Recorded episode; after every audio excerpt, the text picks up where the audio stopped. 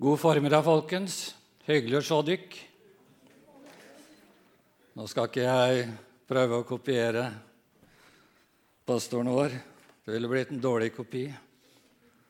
Så jeg har funnet ut at det er bedre faktisk med en dårlig original enn en dårlig kopi. Så jeg skal ikke prøve meg på det. Fantastisk å ha sånne sanger og musikere her. Det løfter gudstjenesten, syns jeg, til flotte høyder. Jeg vet ikke om jeg forsto Vegard helt uh, i begynnelsen, men den der uh, All My Hope Antydet du at uh, de eldre ikke var helt sånn på linje med den? Motsatt, ja. Det var det jeg tenkte. Ja, riktig. Nei da. Så da er det ikke bare at jeg ser dårlig, men jeg hører dårlig også. Da er jeg gammel. Jeg tenkte visst var antydet at det gamle ikke likte den, så var kanskje ikke jeg så gammel likevel. Men da jeg hørte feil også, så både ser jeg og hører dårlig, så da er jeg Ja. Da er jeg der. ja. Ja, jeg skal dele ett fantastisk flott vers med dere fra første Peter brev. Peter skrev to brev. Han skrev de fra Rom. Kort, forholdsvis kort tid før han led martyrdøden i Roma under keiser Neros forfølgelser. Evangeliet hadde hatt stor fremgang i de områdene som i dag er Syria, Tyrkia, Hellas. Men de nye unge menighetene de opplevde mye forfølgelser, og Peter skrev sine to brev for å oppmuntre de unge menighetene i disse prøvelsene som de hadde. Første Peter 2, 9. Men dere er en utvalgt ett, et kongelig presteskap et hellig folk, et folk til eiendom, for at dere skal forkynne Hans storhet, som kalte dere fra mørket til sitt underfulle lys. Først så sier Peter hvor stort det er å være en kristen. Vi er en utvalgt ett et kongelig presteskap og et hellig folk. Men som et uh, hellig presteskap så har vi også fått et stort kall, sier Peter, nemlig å forkynne Kristi storhet. Så jeg vil følge Peters oppfordring og forsøke å si litt om det i dag selv om ord blir så altfor små når vi skal beskrive Jesus storhet. For han er så mye større enn vi kan forklare og beskrive. Men det er min bønn at det Ånden måtte gjøre budskapet levende her i dag, sånn at vi kan få et glimt av Jesu herlighet og storhet. Dette med Jesus storhet det var ikke teorier for Peter. Han hadde jo vært øyenvitner til Jesus storhet når de var på Forklarelsens berg, fikk se Hans herlighet, hørte en røst fra himmelen som sa 'Dette er min sønn, den elskede'. Og så var han med Jesus i tre og et halvt år og fikk se alle de store underne som Jesus gjorde. Så det var ikke bare teorier for Peter, dette her. Og den kristne tro dreier seg jo heller ikke om å forholde seg til teorier, men til en person, Jesus Kristus. Og det grunnleggende i dette er troen på at han er Guds sønn. Det hender en gang iblant at jeg har besøk av to vitner på døra hjemme. Det har dere også hatt, antagelig.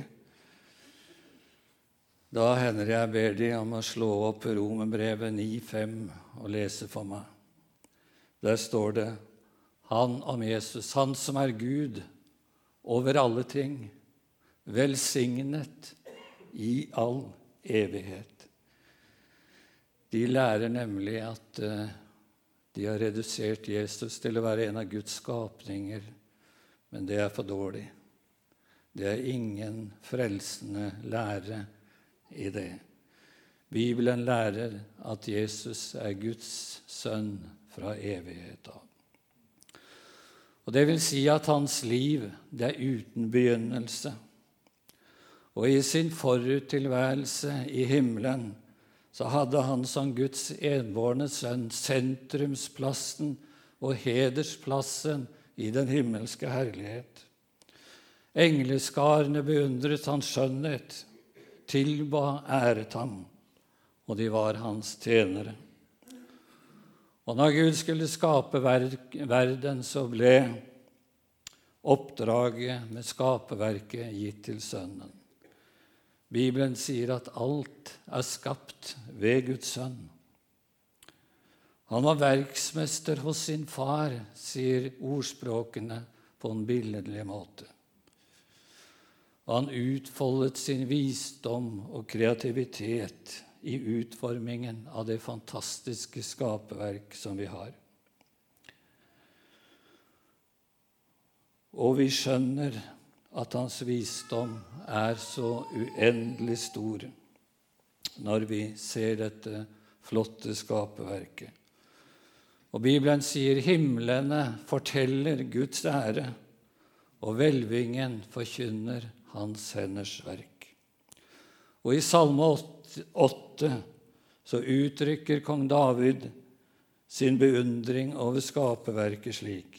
Herre, vår Herre, hvor herlig ditt navn er over hele jorden, du som har utbredt din prakt over himmelen. Og hvilken makt han demonstrerte ved skapelsen. Han talte, og det skjedde. Han bød, og det sto der. Men ekte og sann storhet vises først ved det sinnelag en har. Menneskelig storhet slår ofte ut i selvopphøyelse, stolthet og selvgodhet. Men sann storhet viser seg i ydmykhet, kjærlighet og omsorg for andre.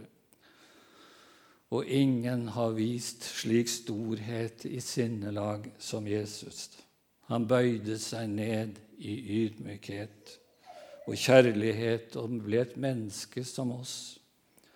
Han ga avkall på å være Guds skikkelse, tok en tjenerskikkelse på seg. Og han gjorde det for å frelse oss. Det var for oss. Og Gud valgte ikke den store, flotte hovedstaden Jerusalem som fødested for sin sønn, men den lille landsbyen Betlehem. Han valgte ikke en rikmanns palass med luksuriøse, luksuriøse omgivelser, men det dårligste som var stall og krybbe, høy og strå. Og hans fødsel ble ikke proklamert for landets politiske og religiøse elite i Jerusalem, men for noen enkle hyrder som var ute på marken og gjette sauene sine. Og det var ingen salutt fra Jerusalem festning eller fyrverkeri på Rådhusplassen, men Gud sørget for et fantastisk fyrverkeri ut på Betlehemsmarkene, når hele himmelen ble opplyst av engleskarene. En hærskare av engler.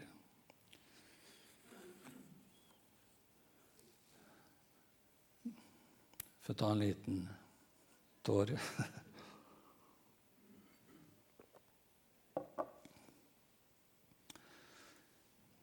Da Jesus skal begynne sin offentlige tjeneste, så møter han først den onde til nærkamp ute i ørkenen. Og den onde forsøker å friste ham på den mest utspekulerte måte. Han siterer fra Skriften for Jesus, men han tar bare bruddstykker ut av sin sammenheng. Men Jesus lot seg verken lure eller å friste. Det, han svarte, det står atter skrevet. Og når fristeren tilbød ham å bli hersker over hele vår verden, hvis han ville falle ned og tilbe ham, så svarer Jesus, Herren din Gud skal du tilbe. Ham alene skal du tjene. Jesus gikk seirende ut av nærkampen med den onde. Så begynner han sin tjeneste, full av Den hellige ånd og kraft starter han på sin utrettelige vandring over Galilea, Judeas fjell og sletter for å forkynne Guds rike og demonstrere Guds godhet og omsorg. Han bød de onde ånder fare ut av plagede mennesker, og de måtte adlyde ham. Han bød stormen stilne og sjøen legge seg, og det ble blikkstille.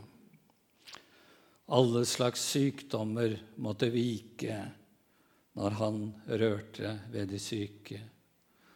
Blinde fikk sitt syn igjen. Lamme sprang av fryd, og døve fikk høre igjen. Og til og med Lasarus, som hadde ligget fire dager i graven, han kom lys levende ut av graven da Jesus ropte på ham. Da sa folk, en stor profet er oppreist iblant oss, og Gud har gjestet sitt folk. Og når han talte, så talte han som en som hadde myndighet og autoritet. Han hadde ikke gått på Jerusalem teologiske seminar og lært prekenlære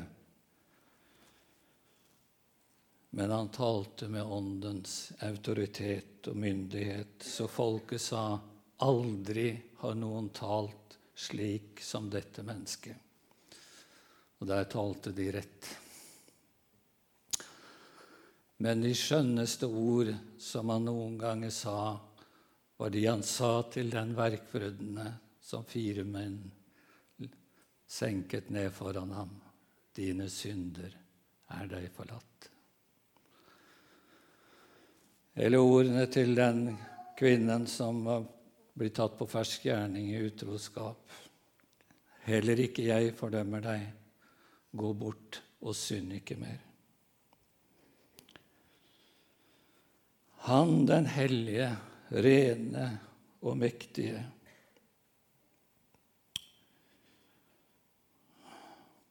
Der mista jeg tråden. Viste grenseløs nåde og barmhjertighet. Han tilga helt og fullstendig. Og i møte med denne nåde ble hun også satt fri fra syndens makt og kunne begynne på et nytt liv med blanke ark og fargestifter til. En ny begynnelse, renset fra sine gamle synder fridd ifra syndens makt, elsket av Gud, kunne en begynne på et nytt liv i møte med den store mesteren. Tiden ville bli meg for lang om jeg skulle ta med kvinnen ved Sykars brønn, som ble tilgitt og forvandlet i møte med Mesteren, eller Sakkeus, som ble frelst fra både synd og pengekjærhet, og mange andre som fikk et, livet sitt forvandlet i møte med Han. Men du ser hvor stor Han er. Han som har makt både til å tilgi synder og gi hel og fullkommen frelse, ja, kan forvandle menneskers liv på innsiden enda gå rundt og søke ugudelige og elendige mennesker, forlate de 99 for å lete etter den ene.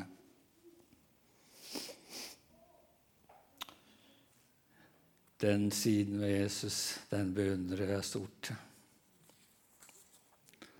Og En dag så fant han meg og, og deg. Ja. Men syndenes forlatelse måtte skje på et rettferdig grunnlag. Derfor måtte han, den uskyldige, ta på seg menneskeslektens synd og skyld. Han ble tilregnet hele verdens skyld og synd fra tidenes morgen til tidenes ende. Han måtte bære Guds dom og vrede over synden. Og han lot seg føre ut til retterstedet som et lam som føres bort for å slaktes. Og han som hadde all makt i himmel og på jord, han lot seg frivillig spikre til korsets tre. Og det første han sa etter de hadde spikret ham fast, Far, forlat dem.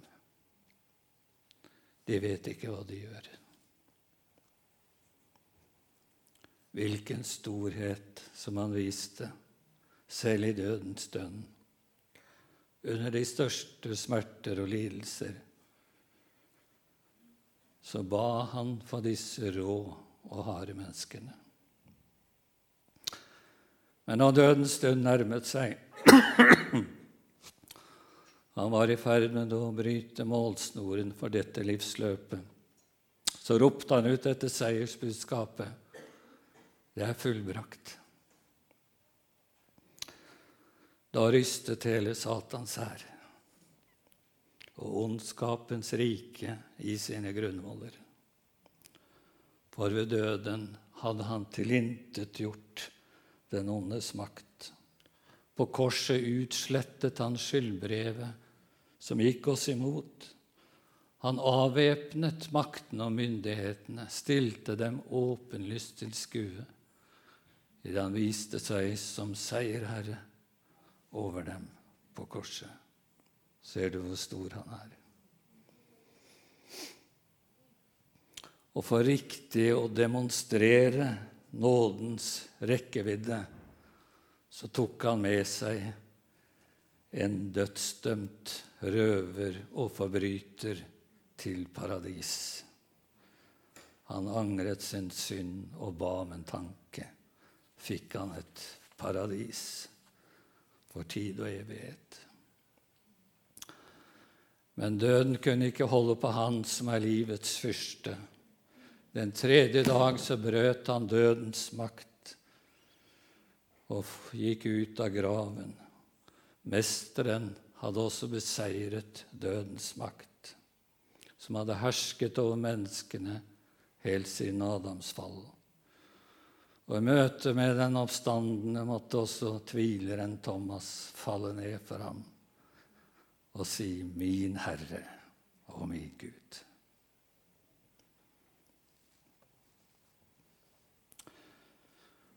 Men han som fornedret seg så dypt, han har Gud høyt opphøyet. 40 dager etter oppstandelsen steg han inn i den himmelske herlighet. Og Jeg kan se for meg englenes beundrende blikk når den store seierherren kommer i triumf tilbake til herligheten.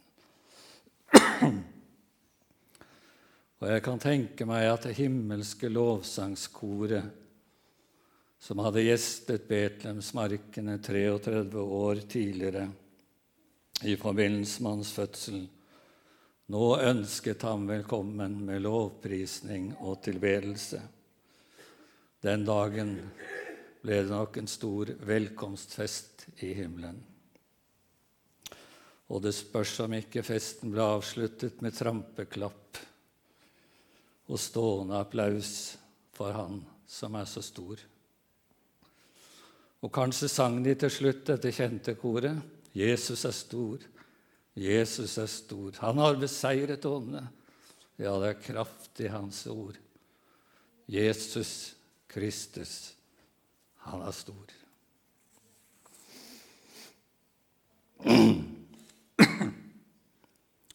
Ta en liten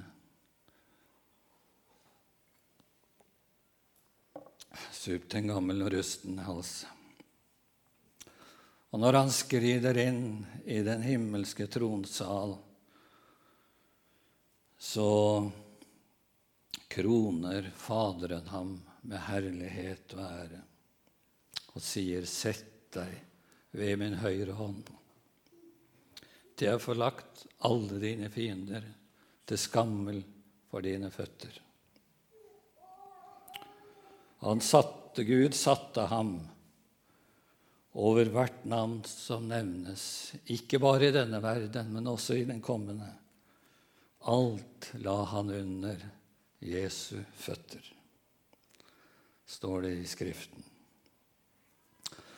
Men Faderens opphøyelse av Sønnen, den er ikke fullført enda. Det gjenstår noe. Vi som er hans folk, ser ham nå, kronet med herlighet være. Vi ser ham med troens blikk. Men snart kommer dagen da hvert øye skal se ham. Når han kommer med himmelens skyer i makt og herlighet, skal det bli synlig for enhver at Jesus er den han har sagt seg å være.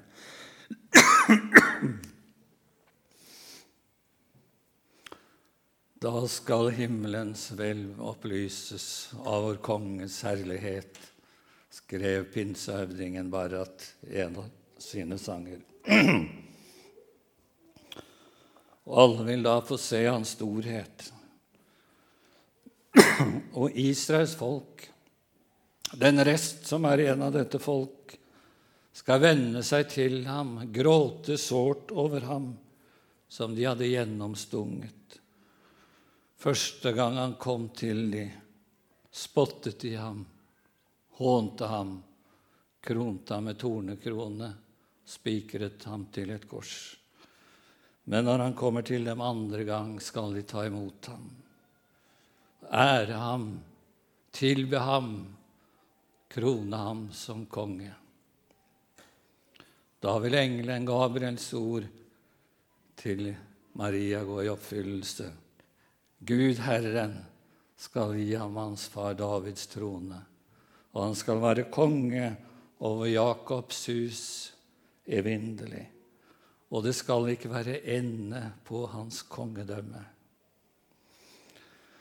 Det blir en glanstid for denne vår krigstrette jord, som har rommet så mye sorg og smerte, tårer og lidelse forårsaket av den onde. Men i denne tid, det tusenårige fredsriket, har Jesus plassert den onde i avgrunnens fengsel, og kongenes konge skal herske over denne jord med rettferdighet og barmhjertighet. Er han ikke stor? Jeg skulle tro det. Ja, da oppfylles ordene fra Salme 47. Klapp i hendene, alle folk. Juble for Gud med fryderop. For Herren den høyeste er forferdelig, en stor konge over hele jorden. Og hans jordiske eiendomsfolk Israel, som i dag er så dypt foraktet og utskjelt i denne verden, skal bringe budskap om ham ut til alle jordens hjørner. Og liksom dronningen av Saba dro opp til Jerusalem for å se kong Salmos herlighet, skal folkeslagene dra opp til Jerusalem for å se kong Jesu herlighet. Og de kommer til å si som dronningen, ikke halvdelen ble oss fortalt.